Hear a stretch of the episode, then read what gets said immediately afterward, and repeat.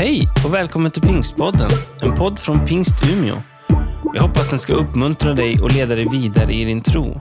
För att få mer information om Pingst Umeå och allt som händer i kyrkan, gå in på umia.pingst.se eller följ oss på Instagram och Facebook, at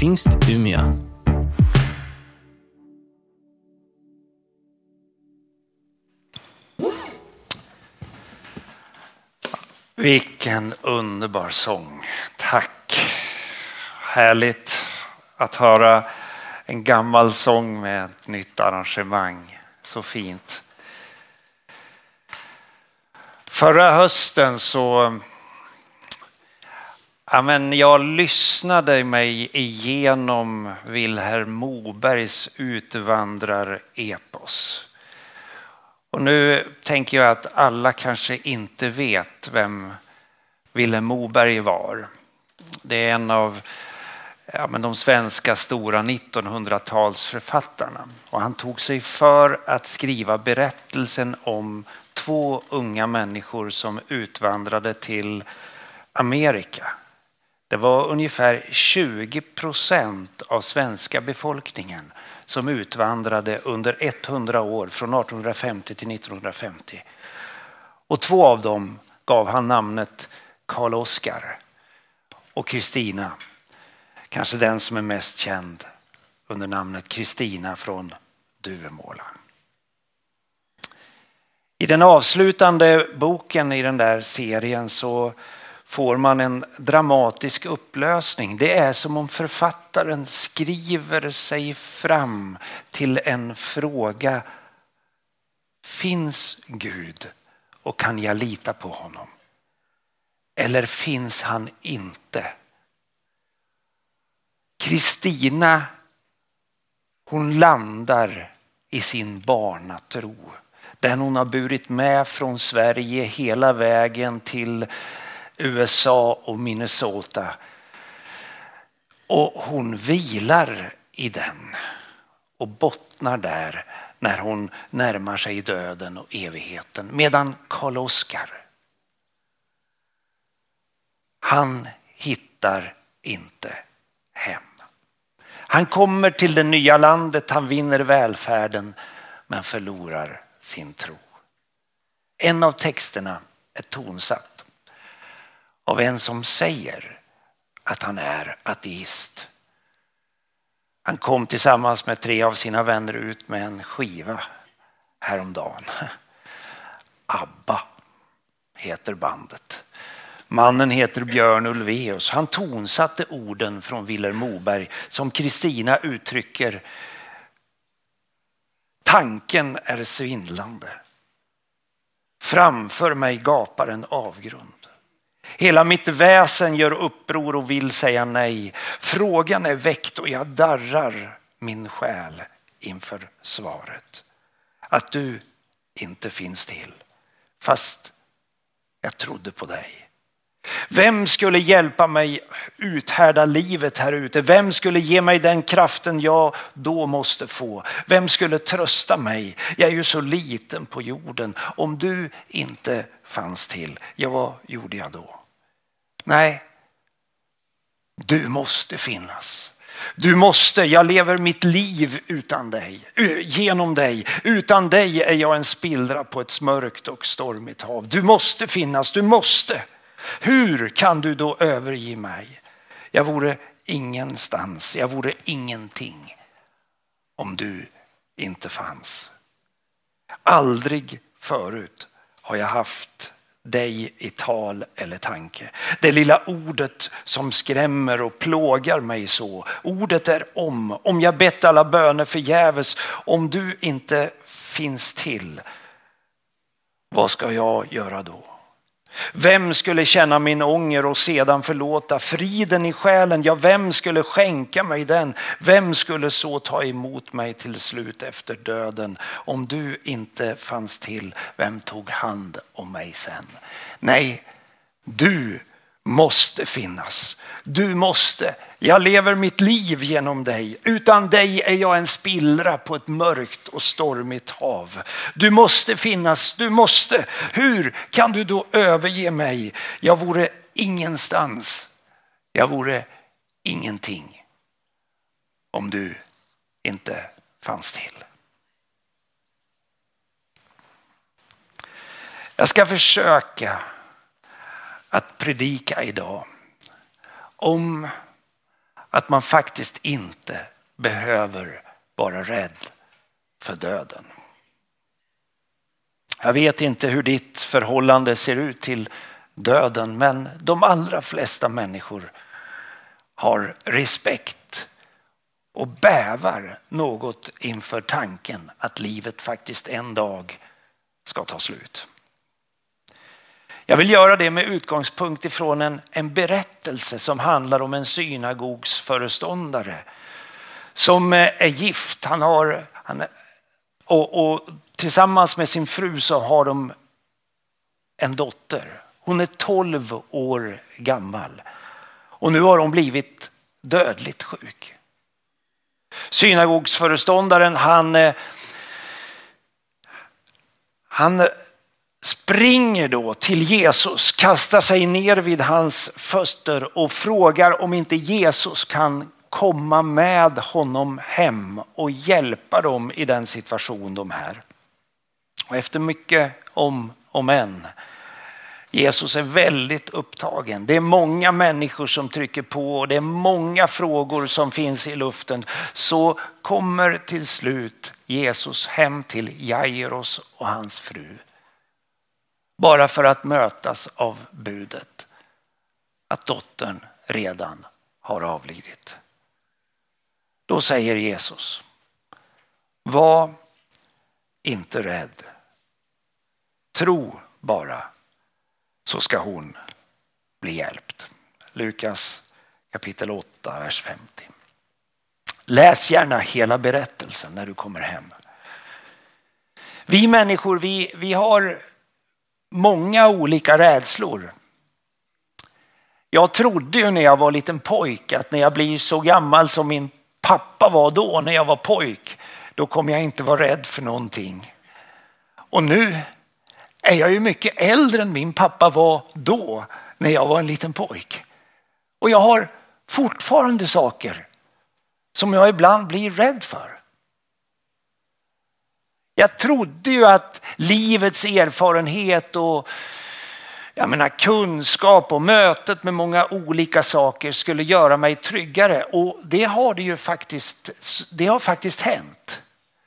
Men det, finns fort, det händer fortfarande för mig att jag vaknar på natten och är orolig. Människans, människans oro ser olika ut. De flesta av oss vi, vi blir ibland oroliga och rädda när vi tänker på framtiden.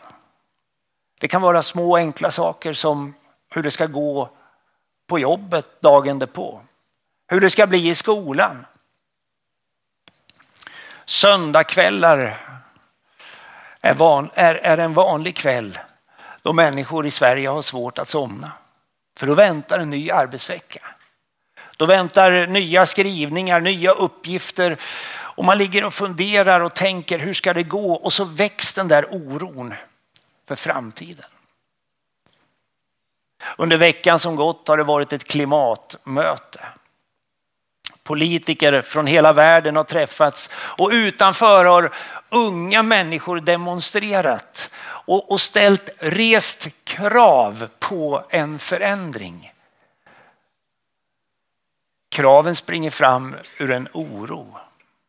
På ett sätt en rädsla för frågan hur ska det bli med framtiden? Min oro nu för tiden den handlar ganska mycket om, om människor. Jag tänkte på det när jag stod på torget och talade om de ensamkommande flyktingarna. Då berättade jag att precis när maktövertagandet, när amerikanarna lämnade och talibanerna tog över så var det flera av mina vänner som har blivit återsända ifrån Sverige som hörde av sig. Nu är det tyst. Ingen hör längre av sig. Och jag undrar, vad beror det på? Det är klart det väcker en oro. Hur, hur ska det gå? Kommer det bli fri, fred, frihet? Jag kan ibland också känna en oro för att inte räcka till. Alla uppgifter, alla saker som behöver lösas. Vi reagerar lite olika när vi blir rädda. Man kan bli paralyserad, liksom handlingsförlamad. Blir ståendes liksom med sakerna och så eh, händer ingenting. Ibland, eh, jag vet inte om det händer för dig, men ibland blir jag sugen att, att springa därifrån.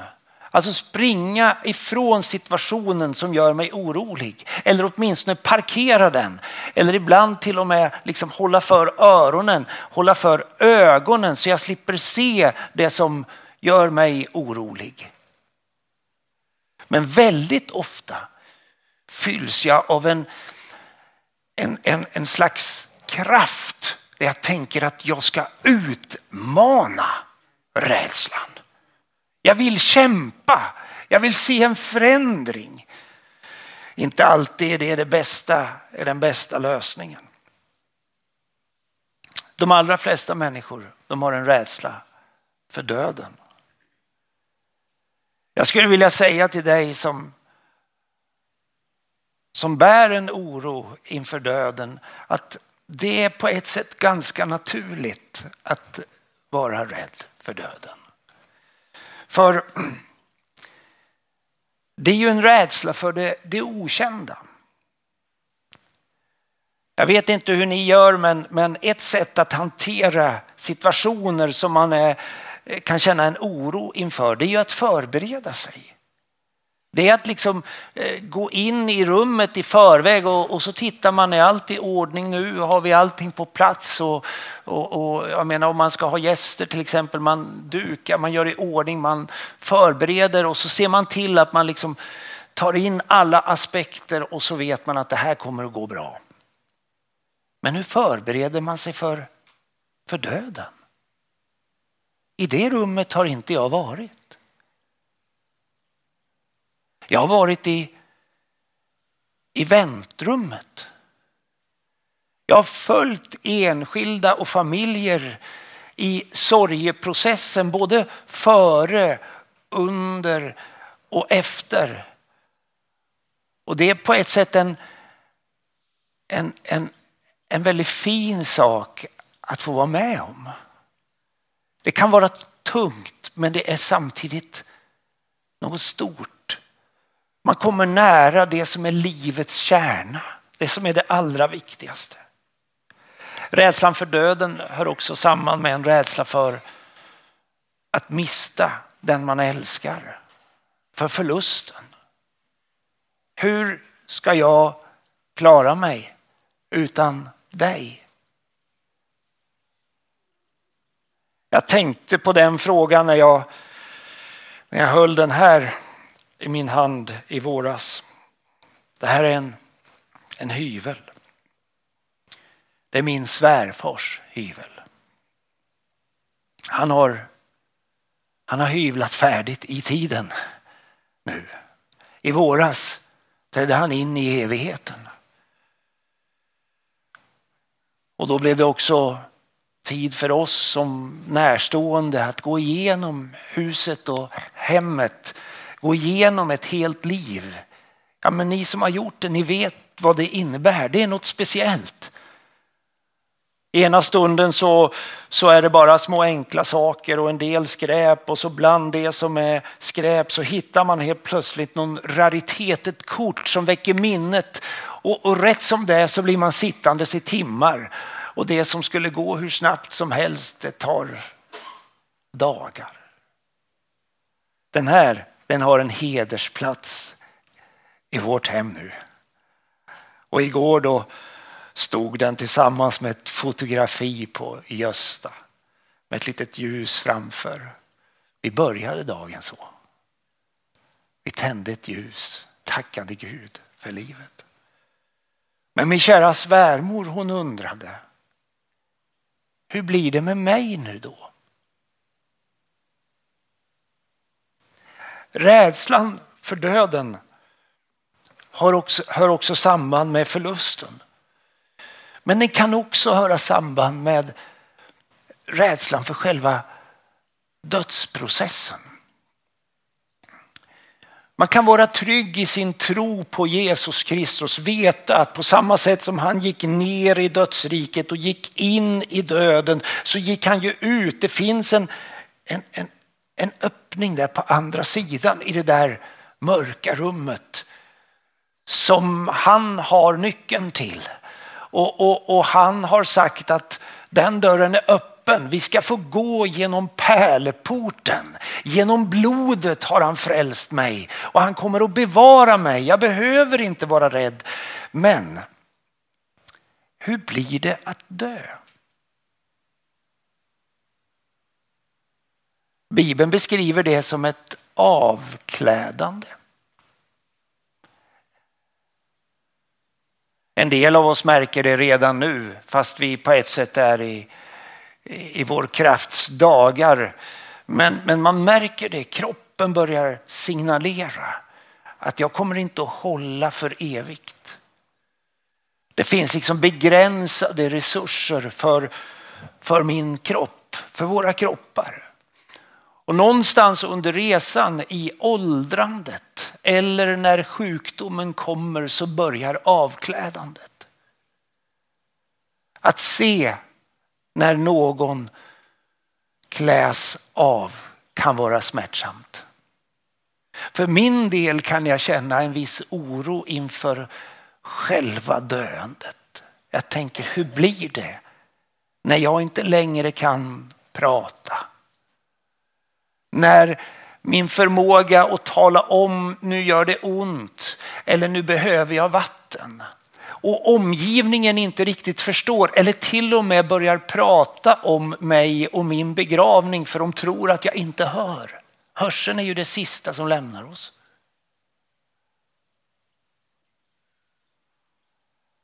Vad kommer att hända då? Kommer min, min fobi för, för trånga utrymmen som jag ju bearbetar kognitivt när jag åker hiss. Varenda gång jag åker hiss så tänker jag den kommer inte att stanna. Det kommer att gå bra. Och så övervinner jag det. Men vid några tillfällen har den stannat. En gång när vi hade fyllt den hissen fullt med möbler. Vi skulle hjälpa en kompis i vår hemgrupp att flytta. Och jag gick in och tryckte på knappen bara för att upptäcka att den åkte en halv meter. Och där står jag liksom på tå, inklämd. Kommer varken ut eller in, upp eller ner. Och jag får verkligen panik. Och jag hör att de skrattar där ute. Ja, så, sådana är mina kompisar. nej men jag tänker, hur blir det när man stängs in i sin egen kropp och kanske har något uns av medvetande kvar? Jag har lagt mitt liv i Guds hand. Jag litar på att han är med. Vad ska vi göra med alla våra rädslor? Ja, talar man med en psykolog då säger de förmodligen fakta först. Har du anledning att vara rädd? Vad är det som du är rädd för? Hur blir det? Klokt. Någon annan skulle säga, men lättar det yttre trycket så lättar det inre trycket. Klokt. Det kan vara bra att säga till er som är föräldrar om barnen är bråkiga. Ibland kan man behöva lätta trycket, kraven, förväntningarna för barnens hälsa. Men det handlar också om att göra det på, i arbetslaget, i familjen, i mötet med varandra, i församlingen. Tredje gott råd är ju så klokt som något annat. Dela din oro med någon. Bibeln säger bär varandras bördor så uppfyller ni Kristi lag. Att ha någon att, att samtala med, att finnas i ett sammanhang där man faktiskt kan prata med varandra också om det som gör oss rädda. Det är väldigt bra. Men vi kan ju också gå till Gud. Bibelns Gud beskriver eller säger att Gud både är vår skapare, den som gav oss livet, både eh, liksom livets uppkomst i, i, i världshistoriens början, men också, men det, vi har också eh, anledning att tro när Bibeln säger att förrän jag danade dig i moderlivet hade jag en plan för dig. Att den Gud som, vi, som Bibeln vittnar om är en Gud som, som ville ditt liv. Och, och det är ju i sig, ja men det, det skapar en bas av trygghet att stå på. Men Bibelns Gud är inte bara skapare, han är frälsare. Salmisten säger Gud är vår tillflykt, vår styrka, en hjälp i nöden som aldrig svikit. Därför räds vi inte om jorden skälver eller bergen störtar i havets djup, om vattnen brusar och skummar och bergen darrar vid havets uppror. Ja, men vilka författare, va? vilka texter. Här är en flod vars strömmar ger glädje åt Guds stad som den högste har helgat till sin boning. Där inne bor Gud. Den skall aldrig falla. Den får hjälp av Gud när morgonen gryr. Jairos, synagogsföreståndaren, han tänkte jag går till Jesus Kristus. Den Gud som Jesus Kristus uppenbarar kan man gå till. Han struntade i prestigen. Alltså han var en offentlig person i samhället. Han struntade i vad andra skulle tänka om han kom ut som en av dem som följde Jesus Kristus. Han sökte upp Jesus och bjöd hem Jesus. Alltså det var inte bara att han ville att Jesus skulle, liksom, att de skulle få en dialog, utan han ville, han bjöd in Jesus innanför liksom hemmets eh, dörrar. Jag ser liksom framför mig att, att, att Jairos tänkte men Jesus vågar jag bjuda in. Jag kan lita på honom. Jag behöver inte vara rädd för honom. Han vill mitt bästa. Det är den ena delen. Det är vad du och jag kan göra. Men i berättelsen handlar det ju faktiskt om att, att Gud gör någonting. Berättelsen säger oss att Jesus följde med hela vägen till platsen för Jairos oro. Hela vägen hem. Och när de, när de kommer hem så möts de ju av det där svåra budet att, det, att Jesus kommer för sent. Det är ju en Alltså det är ju en fråga som vi ofta samtalar om. Vi tycker att det tar lite för lång tid innan Gud griper in.